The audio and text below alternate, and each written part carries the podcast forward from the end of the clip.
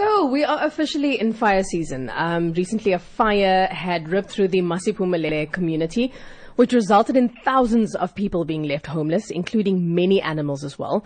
And this morning, we're chatting to Mandy Storr. She's the operations manager at the Emma Animal Rescue Society, or Tears Animal Rescue, as most of us know it. Uh, they are a non-profit organization and one of the country's leading animal welfare organizations. Good morning, Mandy. Welcome to the On Bait Show. Good morning, Kia. Thank you for having us. How are you?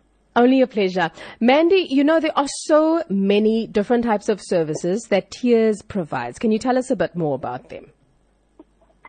So our primary, well, our primary core is to provide primary health care. So our focus is mostly on sterilization. Sterilization is basically the core of Tears, and all our treatments are sterilization all sponsored by our donors. So we focus on primary health care and providing sterilization.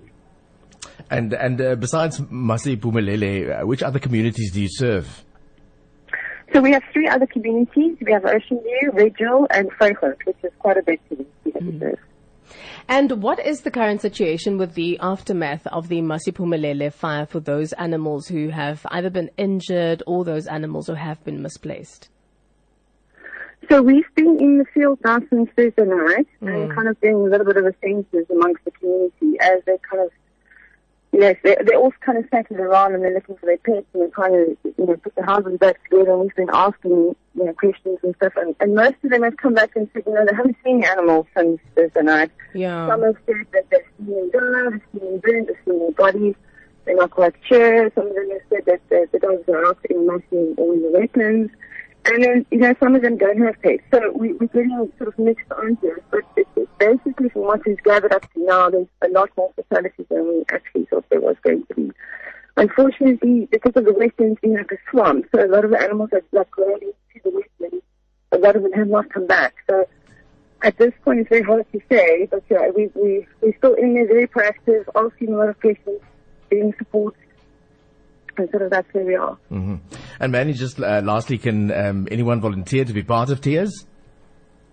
Yes, absolutely. So we'd like the volunteers if they want to come down to do the farms and they can help us in the food process because we've only sent really the Tears staff into the actual site because it's quite sensitive at the moment. The people are really obviously very upset and we don't want to invade on their personal space and so we, we only at the moment have staff on the actual site but the volunteers are welcome to come to and help pack the food parcels that we're handing out every day for, for the pet owners.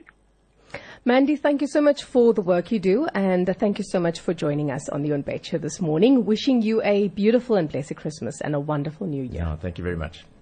Thanks, Kira. Thank, you. Okay, bye bye.